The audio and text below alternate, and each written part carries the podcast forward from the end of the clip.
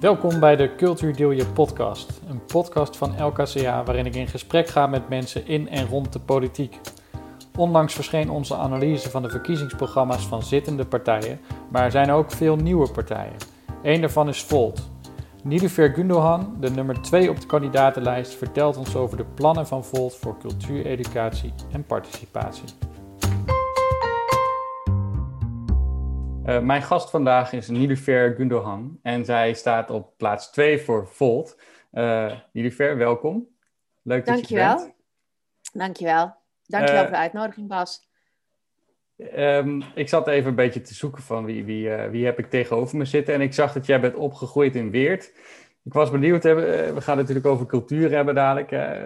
Kun je dat een beetje doen in Weert en omgeving? Heb je een beetje goede culturele op, op groeiperiode gehad daar?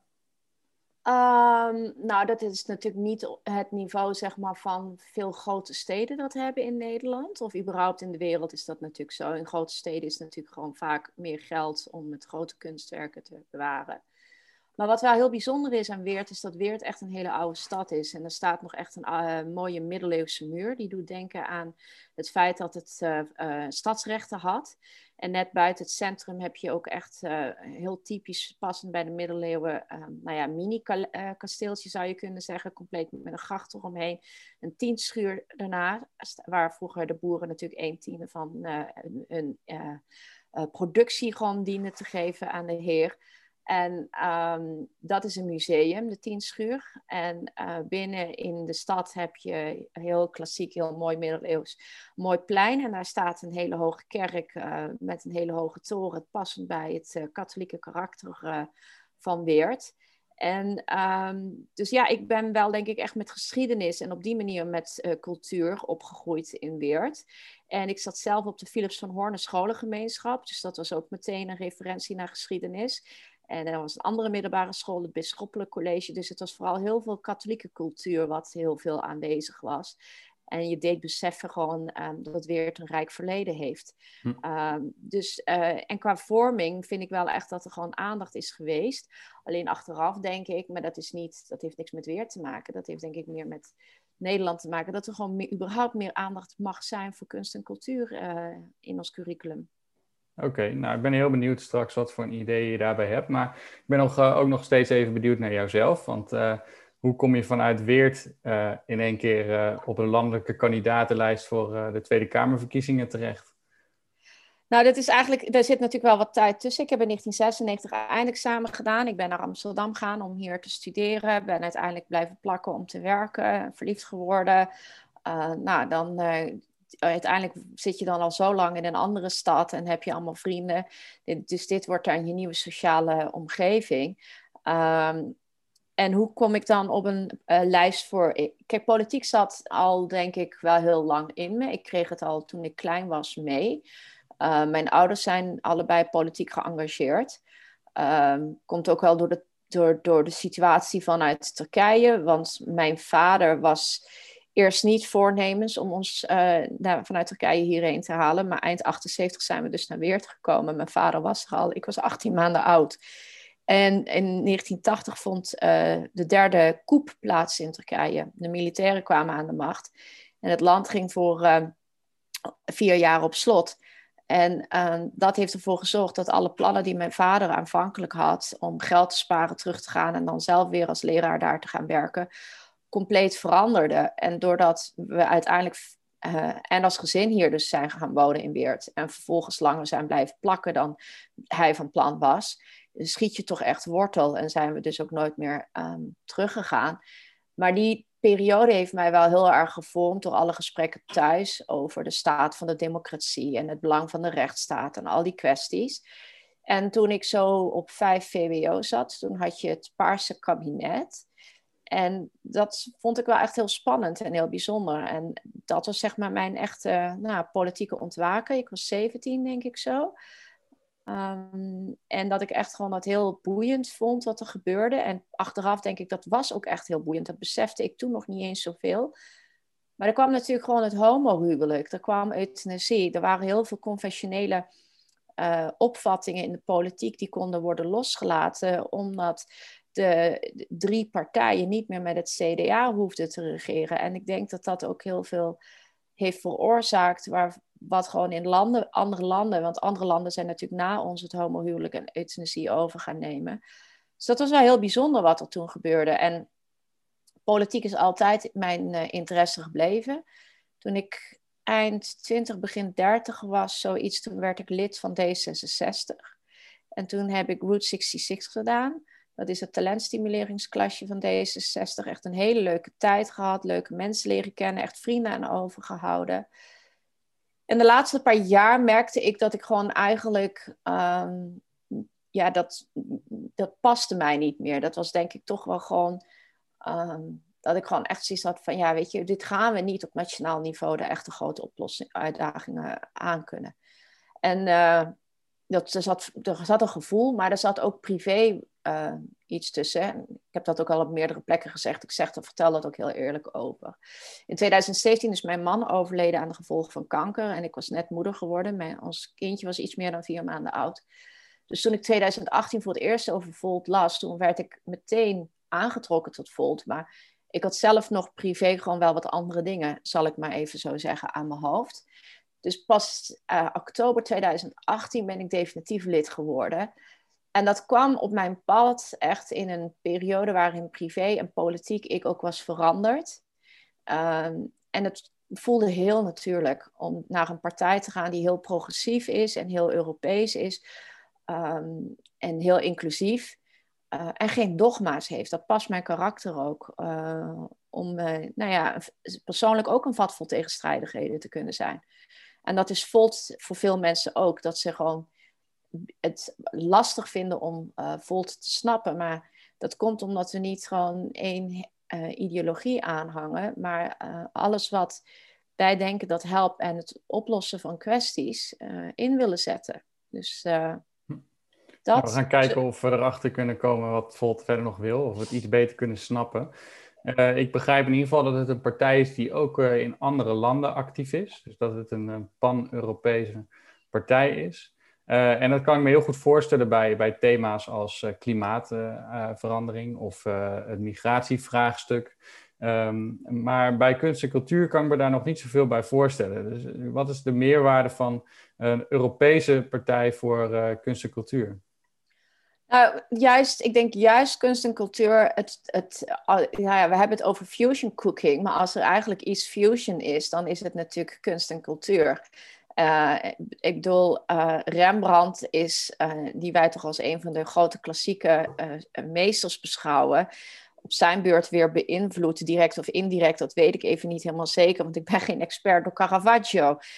en zo zijn er gewoon heel veel kunstenaars heen en weer die elkaar hebben beïnvloed. Um, uh, van Gogh, die weer uh, andere Europeanen heeft beïnvloed. Ehm, dus kunst en cultuur. En ik denk ook het feit dat nu, vandaag de dag. als je bijvoorbeeld persoonlijk vind ik dat echt een heel mooi kunstwerk. bij Picasso voor Guernica staat. Ook al heb je die Spaanse oorlog zelf niet meegemaakt je voelt nog steeds die oorlog. Dus ik denk dat kunst en cultuur juist. En ik ben helemaal geen expert hoor. Ik ben eigenlijk gewoon wat dat betreft gewoon een heel gewoon mens. Dat gewoon heel erg waardeert dat er kunst en cultuur is. Omdat het de taal is die woorden ontstijgt. Voor mij persoonlijk zou ik het zo willen omschrijven. Dat juist het tijdloze ervan en het eh, niet gekoppeld zijn aan nationale grenzen, maar dat je gewoon, um, nou ja, bijvoorbeeld om terug te gaan naar Picasso's Guernica, je hoeft niet een Spaanse te zijn, je hoeft niet die oorlog te hebben meegemaakt om het verdriet van dat schilderij gewoon te voelen. En dat is denk ik gewoon juist het universele uh, van kunst en cultuur. En ik denk dat nou, heel veel mensen dat ook met muziek hebben, met literatuur hebben. Je hoeft niet een rust te zijn om van Tolstoy te genieten, als je daarvan geniet. Er zijn ook genoeg die dat traag en taai vinden om te lezen. Maar dat is een ander aspect. En juist als je één plek vindt, denk ik, die broederschap en het grensoverschrijdende is, meer nog dan wat dan ook misschien, dan is het kunst en cultuur. Hm. Um, het, het, het, is een heel interessant onderwerp, dus ik ga nog een klein beetje op door als je het goed vindt. Want het klinkt ook wel een beetje als iets wat misschien wel uh, uh, voor heel de wereld geldt. Hè? Dus uh, ik kan mij heel erg verbonden voelen met iemand in Amerika die van dezelfde muziek houdt als ik. misschien nog wel meer dan dat ik me verbonden voel met mijn eigen buurman, die, die een hele andere muzieksmaak heeft. Dus wat, bestaat er dan zoiets als een Europese cultuur die, die we met z'n allen delen? En zou bijvoorbeeld een Europese Unie ook een bijdrage kunnen leveren aan onze ontwikkeling van culturele identiteit en de mate waarin we ons als onze creatieve vermogens kunnen ontwikkelen tijdens onze schoolperiode bijvoorbeeld? of is dat wel echt iets wat elk land voor zich moet bepalen? Nou, ik denk dat er veel meer overeenkomsten zijn dan dat er verschillen zijn. En ik denk dat nu op dit moment de, nadruk op de verschillen ligt en niet op de overeenkomsten. En ik, als, ik, als wij bijvoorbeeld, zoals bij Volt hebben, we gewoon bij het opschrijven van ons verkiezingsprogramma in zaken onderwijs, hebben gewoon gekeken naar andere landen. En dan zie je dus dat met name in de Scandinavische landen, in Finland en dergelijke, is uh, sport spel, kunst en cultuur, muziek, dat zit veel meer gewoon in het onderwijs. Dat wordt gewoon door de staat aangeboden. En je ziet dat daar gewoon ook uh, de waardering en de ontplooiing op dat niveau ook hoger ligt. En dat resoneert uiteindelijk ook in een beter onderwijs volgens het OECD. Eh, ik geloof heel erg, en dan ga je weer terug naar de oude Grieken, die zeiden van uh, een gezonde geest huist in een gezond lichaam. Dan kom je weer uit bij de Duitsers die het hadden over Bildung. Ik denk dat heel veel van die elementen die eigenlijk gewoon door die, die, die decennia, de millennia heen gewoon steeds zijn verteld, die, die vergeten we zo nu en dan. En dan gaan we gewoon eenzijdig focussen op één vorm van ontwikkeling. Terwijl we eigenlijk structureel elkaar erop zouden kunnen wijzen dat dat eigenlijk uh, tijdloze kennis is die we niet los zouden moeten laten. En um, ik denk dat juist als je dat in heel Europa hoger op de agenda zou zetten, zoals wij dat noemen met best practices, van wat doen ze in andere landen, in andere steden, hier dan goed in. En kunnen wij dat uiteraard je eigen vertaalslag inmakend niet ook bieden aan onze eh, eh, kinderen en aan onze mensen. Ja, daar zit denk ik gewoon een enorme toegevoegde waarde in. Juist ook om het beschermen van uh, kunst en cultuur, de waardering ervoor. Um, en dat het niet altijd, um, zoals onder de neoliberale dogmatiek is gekomen, moet passen in een factuur. Het, het ontstijgt het directe financiële. Uh, en ik denk dat een van de mooiste dingen die. Dat was Huub Stapel die dat van de zomer gewoon zei. Op een gegeven moment was hij boos op, uh, Baudet. Van uh, een mens die in een witte kamer zit, dag en nacht, en alleen maar eten en drinken krijgt en voor de rest niks, die gaat uiteindelijk, wordt hij gewoon gek. Dus kunst en cultuur is een levensbehoefte. Alleen we zijn onder de huidige dogmatiek, zijn we het gewoon gaan beschouwen als een luxe product. Hm. En dat moet anders. En ik denk dat de Scandinavische landen, maar ook de Fransen en de Duitsers zijn veel beter in het beschermen van, van kunst en cultuur en het en doorgeven aan, aan jongeren. Okay, ja, je, je, noemde inderdaad al een paar punten die ook zo letterlijk in jullie verkiezingsprogramma terug te vinden zijn. Uh, dus laten we daar eens op inzoomen. Dat was ook uh, de aanleiding voor deze podcast. Hè. We hebben als LKCA een analyse gemaakt van de zittende partijen, maar er zijn uh, ook wat nieuwe partijen, waaronder Volt, die zich ook hebben gemeld van, nou, wij willen ook wel wat vertellen. Nou, hartstikke leuk, dat gaan we doen. Um, en uh, ja, ik kijk eerst even naar onderwijs dan, want we hebben het vooral over cultuur, educatie en cultuurparticipatie bij LKCA. En um, uh, in jullie verkiezingsprogramma heb je eigenlijk vijf soort hoofdstukken. En hoofdstuk drie, als ik het goed zeg, gaat over onderwijs. En het hoofdstuk vier gaat over publieke zaak. En um, uh, cultuur is ondergebracht bij uh, het hoofdstuk over de publieke zaak, dus daar komen we zo meteen op. maar onderwijs is dus ondergebracht in een ander hoofdstuk. waarom heeft Volt ervoor gekozen om cultuur geen onderdeel uit te maken van de, laten maken van de onderwijsparagraaf of het onderwijshoofdstuk? Um, volgens mij, want ik was er wel bij betrokken, maar niet bij alles evenveel, was, uh, was dat ook een punt van discussie van waar past het onder.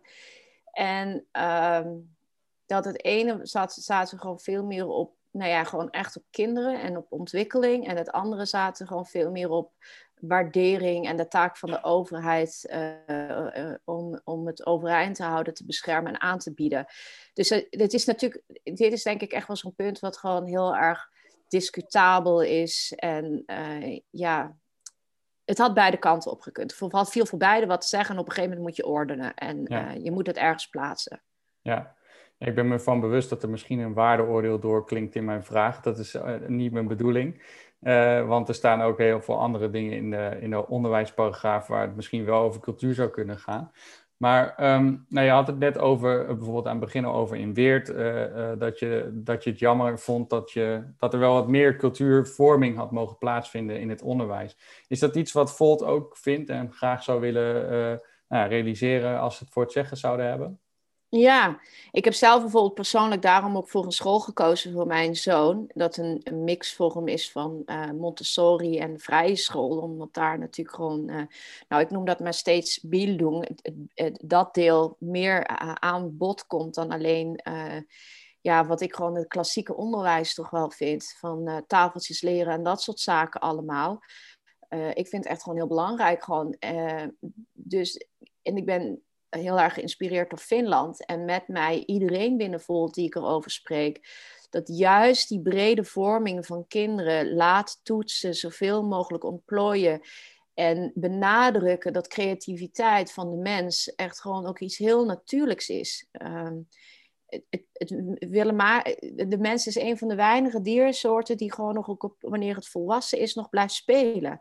Ehm, dus het zit zo in ons. Het is dus eigenlijk gewoon als je het bestudeert, eigenlijk heel onnatuurlijk dat wij creativiteit echt als een artistiek iets vinden. Maar het is eigenlijk heel natuurlijk. Hm. Jij zegt, uh, mijn zoon zit op uh, meer vrije school slash Montessori. Um, dus je hebt als ouder zelf een keuze gemaakt van ik vind cultuur en die beelding een belangrijk onderdeel van de opvoeding. Maar dat geldt natuurlijk niet voor alle Nederlanders. Uh, zeg maar, waar ligt wat jou betreft dan de verantwoordelijkheid van de politiek en dus de overheid uh, om te zorgen dat alle kinderen een bepaalde basis van, van cultuurvorming meekrijgen? Nou ja, nogmaals, we, we, hebben heel veel gewoon gekeken naar de landen van die het dus goed doen, met zoveel mogelijk criteria daarnaast leggend. En dan kom je toch echt heel erg uit bij uh, Finland, uh, gevolgd door uh, Estland en nog wat andere Scandinavische landen.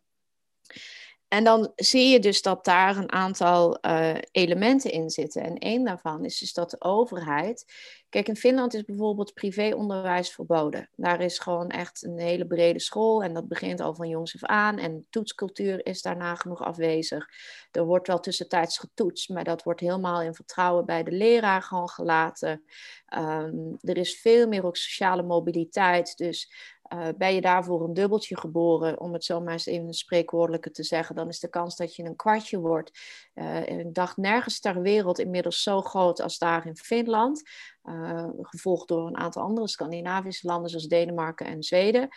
Um, en vervolgens denk je gewoon, dat willen wij ook. Wij willen ook dat kinderen zich breed kunnen ontplooien. Wij willen ook dat gewoon geen talent uh, geremd wordt door het systeem wat wij hebben opgetuigd wat uh, de verschillen kan vergroten in plaats van verkleinen. We willen dat er een herwaardering komt voor het artistieke en het creatieve en dat het niet wordt gezien als een luxe, maar als, als een behoefte. Uh, nou, dan kom je tot de ongemakkelijke conclusie dat je gewoon een ander schoolsysteem moet optuigen. En dat, en dat besef je terdege dat dat betekent dat sommige mensen een bepaald iets moeten inleveren voor het grotere goed. Maar wij denken dat het verdedigbaar is om artikel 23 af te schaffen, zodat wij waarlijk het onderwijs van de 21ste eeuw ook in Nederland kunnen gaan aanbieden. Dat we minder uh, onze kinderen een, een, homo economicus van maken, die gewoon geprogrammeerd wordt om zo snel mogelijk studie af te maken en dan een baan te hebben en het liefst zoveel mogelijk te verdienen. Terwijl dat een rat race is, maar dat we gewoon onze kinderen gewoon ten eerste gunnen om kind te zijn en ten tweede om zichzelf te verkennen. En ten derde komen ze op die manier, zijn wij van overtuigd, het beste in de maatschappij tot hun recht. En creëren ook een maatschappij die leuker is. Het is, het is een win-win, geloven wij. En dan zeggen wij, ja, laten we dan dat ongemakkelijke gesprek aangaan. En dat we dan gewoon zeggen, nou ja, heel fijn, sommig onderwijs in Nederland doet het echt heel goed. Dat haalt ook echt, dat kan zich meten met de top. Maar wij zien dat de verschillen tussen de scholen te groot zijn. Een, een school in Amsterdam-Zuid versus een school in, in Rotterdam-Zuid, dat is een verschil van dag en nacht. Dat, dat, dat kan je in tenzij je echt richting de VS wil gaan, wat een land aan het worden is of is geworden van gated communities. En een hele duidelijke, zichtbare scheidslijn van de haves en de haves not. Ja, dat willen wij niet. Wij, lijken, wij willen liever op Scandinavië lijken dan dat op de VS willen lijken. Nou, dat vind ik een heel legitiem uitgangspunt om dat te proberen te verdedigen. Dat je daarom een hervorming wil en een andere manier van kijken wil uh, doorvoeren. En dan moet je ook het onderwijs aanpakken. Ja, nee, helder verhaal, mooi. En uh, uh, wat grappig is, is dat de manier waarop je over onderwijs praat eigenlijk uh, bijna alsof het een publieke zaak is, hè? zo, zo beschouwd. Dus wat dat betreft is misschien de, de, tegenstelling tussen hoofdstuk 3 en 4, zoals ik hem net neerzette, wel helemaal geen tegenstelling, omdat het onderwijs dus ook daar deel van uitmaakt. Ja. Maar daarmee zijn we wel mooi aangekomen, ook bij dus die, die visie op de publieke zaak. Waar jullie ook expliciet, je hebt het zelf al een paar keer genoemd, maar ik citeer even uit het programma. Deelnemen aan cultuur en sport is daarmee een essentieel onderdeel van het menselijk leven. Geen luxe, maar een levensbehoefte. Zo staat het in jullie programma op bladzijde 50. Uh, nou, dat herken ik in het verhaal wat je uh, aan het houden bent. Uh, maar kunnen we ook eens kijken naar hoe we dat dan buitenschools kunnen organiseren? Dus je het verhaal voor opvoeding en beelding binnen onderwijs hebben we gehad. Maar je wil ook dat zowel kinderen als volwassenen in hun vrije tijd aan cultuurbeoefening kunnen doen. En uh, hoe zou je daar als overheid of als politiek, uh, uh, nou, hoe kun je dat stimuleren? Nou, je zou er, kijk, wij denken, het is natuurlijk een, een, een tweesporenbeleid. De jeugd nu daarin meenemen, dat je net zoals, nogmaals, kom weer terug op Finland, dat je het all-inclusive hebt. Hè? Je, je kind gaat daar s ochtends naar school en krijgt daar gewoon behalve de klassieke vakken, zal ik maar zeggen, als Fins, Engels en programmeren, ook muziek maken en sport en spel. Uh, zelfs eh, de kinderen van vier jaar op school in Finland, die moeten verplicht, ongeacht hoeveel sneeuw er ligt, minimaal een uur per dag naar buiten. Uh, en, en van alles en nog wat doen. Dus, dus juist door zo'n volledig pakket te bieden, maak je ook de verschillen tussen de inkomens van de ouders, maak je eigenlijk irrelevant, omdat je dat dus als een, als een ontplooiing ziet die je aanbiedt aan, aan ieder kind. Wat wij hopen dat dat op de langere termijn op gaat leveren, we willen ook wel meer doen hoor is dat als je mensen zo hebt verrijkt hun leven, dat ze het zelf weer meer waarderen. Dus dat er een herwaardering plaatsvindt, wat ik denk dat hartstikke hard nodig is. Want uh, door die holle vatenretoriek van wat kost het, hebben we het uh, over de prijskaart en niet over de waarde. En alles van waarde, uh, dat heeft eigenlijk gewoon een, een onmeetbare prijskaart. Dus er moet een hele andere manier van denken en praten ontstaan. Ten tweede denk ik echt wel gewoon dat we kunnen kijken, zoals meerdere landen in Europa dat ook hebben, dat nationale musea en dergelijke gewoon gratis zijn. Toegankelijk voor iedereen.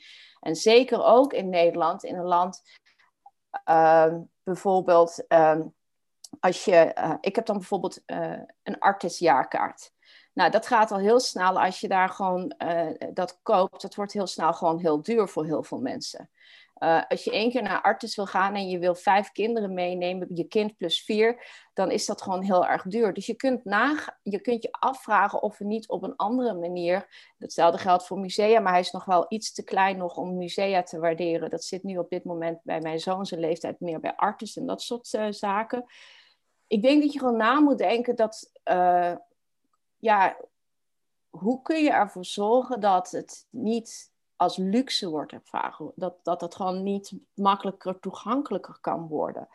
En nogmaals, ehm, dan is het goed denk ik om naar andere Europese landen te kijken die dat gewoon die financiering ook op een andere manier hebben geregeld.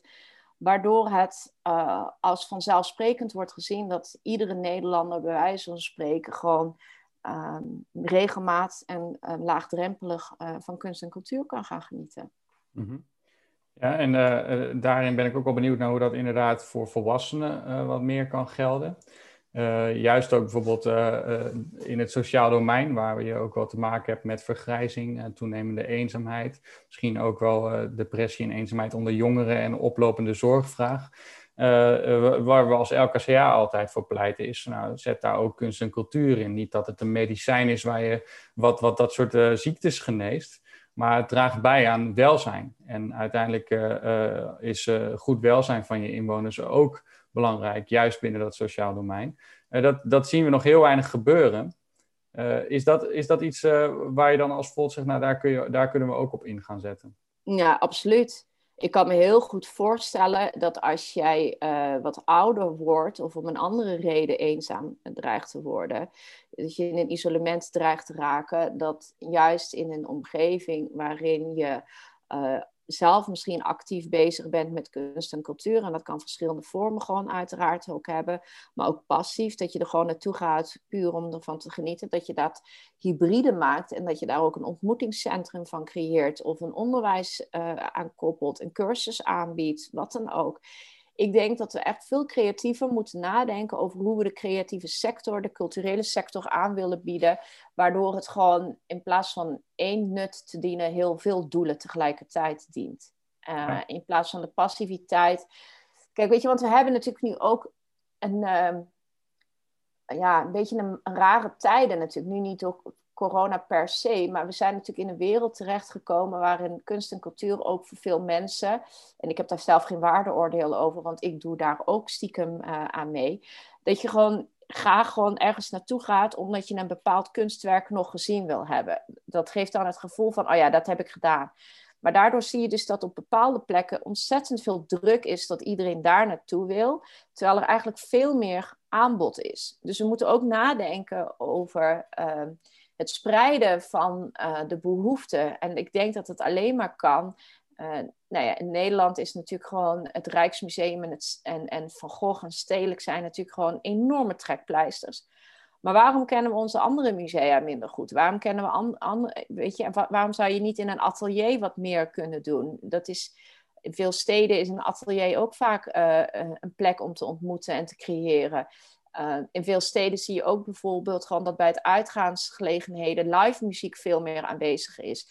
Dus je kunt denk ik gewoon ook het aanbod gewoon op meerdere plekken gewoon doen dan de geëikte plaatsen. Ja. En ik ben geen uh, kunstenaar, nogmaals, ik ben iemand die ervan geniet, ik waardeer het. Uh, maar ik denk echt gewoon dat als kunstenaars gewoon je hier verstand van hebben in die allerlei contacten hebben over de hele wereld, echt wel gewoon inspiratie. En daarom komt dat grensoverschrijdend en denk ik ook wel weer mooi terug. Van, als ze iets hebben bijvoorbeeld gezien in, ik noem maar wat, Valencia, dat ze zeggen, ja, dat was zo leuk, dat zouden wij ook in Vlissingen kunnen gaan doen. Uh, dat werkt gewoon heel goed.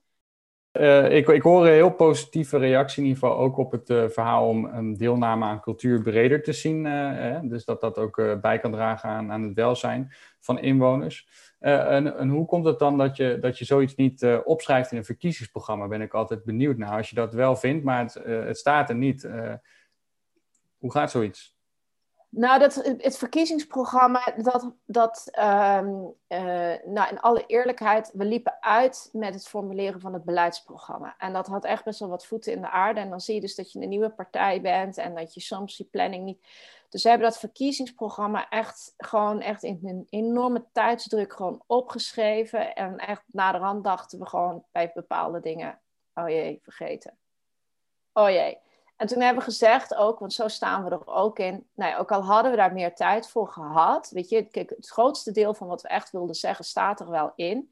Um, de basis is er ook om dit soort dingen er, er, vervolgens aan te zeggen. Dus het staat niet haaks op wat we al hebben gezegd. Dit is gewoon een nadere invulling dit gaan we toch meemaken. Je bent nooit af in je politieke opvattingen. Je zult gaandeweg meer experts tegenkomen die je ideeën verder doen slijpen, uh, die verder vorm geven. En dat is maar goed ook, want we zijn niet af en we zijn niet rigide. Dus dat moet ook kunnen.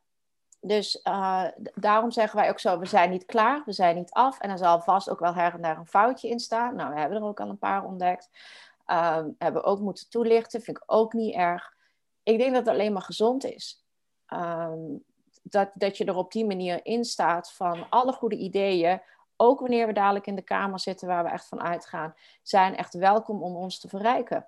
Ook al ben je het voor de rest niet met Volt eens, maar vind je wel dat Volt handig en goed bezig is, bijvoorbeeld in zaken cultuur, stuur ons een mail. Ja, ja, we weten elkaar nu te vinden. En, uh, ja. LKCA werkt ook samen met een aantal andere eh, landelijke organisaties aan een handreiking voor het regeerakkoord, wat er allemaal in uh, zou mogen komen wat ons betreft. Dus dat zou ik ook zeker gebruiken dan als ik jullie was. Ja. Ik, ik zou het leuk vinden om nog één, één onderwerp aan te snijden. en dat gaat over ja, het gebrek aan, representatie in de culturele sector.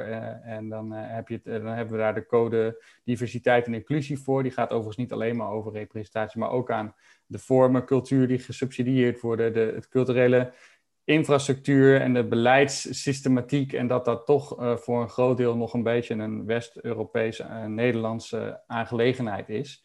En dat, zou, dat zouden we graag anders zien, ook als LKCA. Hoe, hoe ziet Volt dat? Is dat iets waar jullie ook, wat jullie ook vinden en constateren en hoe zou je dat kunnen oplossen? Nou, voor ons is inclusiviteit echt een hele belangrijke waarde. En tegelijkertijd is het ook wel iets wat wij zeggen dat je dat door actief beleid en ook door quota gewoon uh, een versnelling in kunt veroorzaken. Maar nog belangrijker is gewoon, denk ik, of minstens zo belangrijk, is in ieder geval gewoon het hebben van een dialoog. Waarom dat een toegevoegde waarde is. En ik denk dat nu, zodra je dat gaat zeggen, en ook de manier waarop je het gewoon gaat zeggen kan je heel snel in het frame worden gezegd van, nou ja, woke en dit en dat. Nou, dat ehm, eh, is denk ik gewoon niet, of dat zou niet de insteek moeten zijn dat je het doet omdat het een bepaalde ja, plicht is. Je, je, moet dat, je moet dat doen, vind ik, omdat het daadwerkelijk tot verrijking leidt. En, en, en echt gewoon veel meer mensen gewoon uh, het gevoel geeft van, en dat ook zij van toegevoegde waarde zijn. Dus dan uh, moet het niet aanvoelen als een tegenstelling van we gaan uh, bijvoorbeeld meer aandacht besteden aan het koloniale verleden van Nederland, ook de kunsten daarvan, et cetera. Dat daarmee het hele domein van, ik noem maar wat, klassieke muziek gewoon wegvalt. Want dat is denk ik heel vaak waarom um, conservatieve mensen nog meer op de ruim gaan trappen. Omdat ze gewoon denken dat zij niet meer mogen hebben wat ze al hadden. En uh, net zoals wat ik eerder zei over het onderwijs we willen af van artikel 23, maar we proberen mensen ook echt uit te leggen, we zijn er niet op uit om jouw onderwijs af te pakken. We zijn erop uit om een ander onderwijssysteem neer te zetten, waarbij ook ruimte is voor jou, maar ook voor de ander. Dus het is gewoon, je moet soms wat geven om iets beters neer terug te zetten. Voor met z'n allen. En niet dat degene die al wat had, dan degene is die verliest. En dat uitleggen is een ingewikkeld iets, want dat kom je vaak gewoon in eerste instantie op tegen een muur van emoties, in plaats van uh, dat je in een gesprek van ratio zit en begrip. Maar ik denk dat dat ook wel nodig is in de kunst- en cultuursector. Dat je gewoon zegt van, we gaan het meer doen, maar dus dat betekent niet dat het ten koste van jou wordt, maar we maken een nieuwe taart die is groter en meer mensen zullen ervan genieten. Hoe mooi is dat eigenlijk? En daar hebben we wel jou bij nodig om dat met ons mee vorm te geven, want we willen ook niet alles kwijtraken wat we hadden. Het is niet dat wij revolutionair zijn en dat alles wat, zeg maar officieel ooit oud was, dat we dat niks vinden, maar we willen het moderniseren en naar de 21ste eeuw brengen en dat meer mensen zich gezien, gehoord en erkend voelen uh, in alle vormen. Eh, hoe ziet het, uh, het vooruitzicht eruit? Het gaat richting een afronding, dus ik ben benieuwd vooral, ga, gaan we Volt terugzien ook in de Tweede Kamer?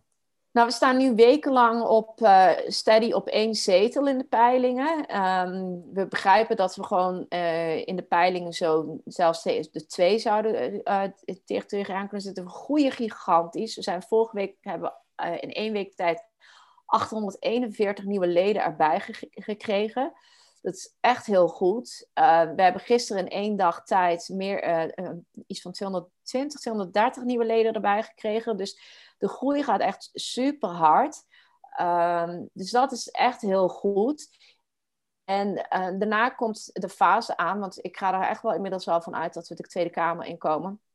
Dat we ons gaan voorbereiden om ook lokaal te vertegenwoordigd zijn in Nederland. Want dat zijn we bijvoorbeeld in Duitsland al.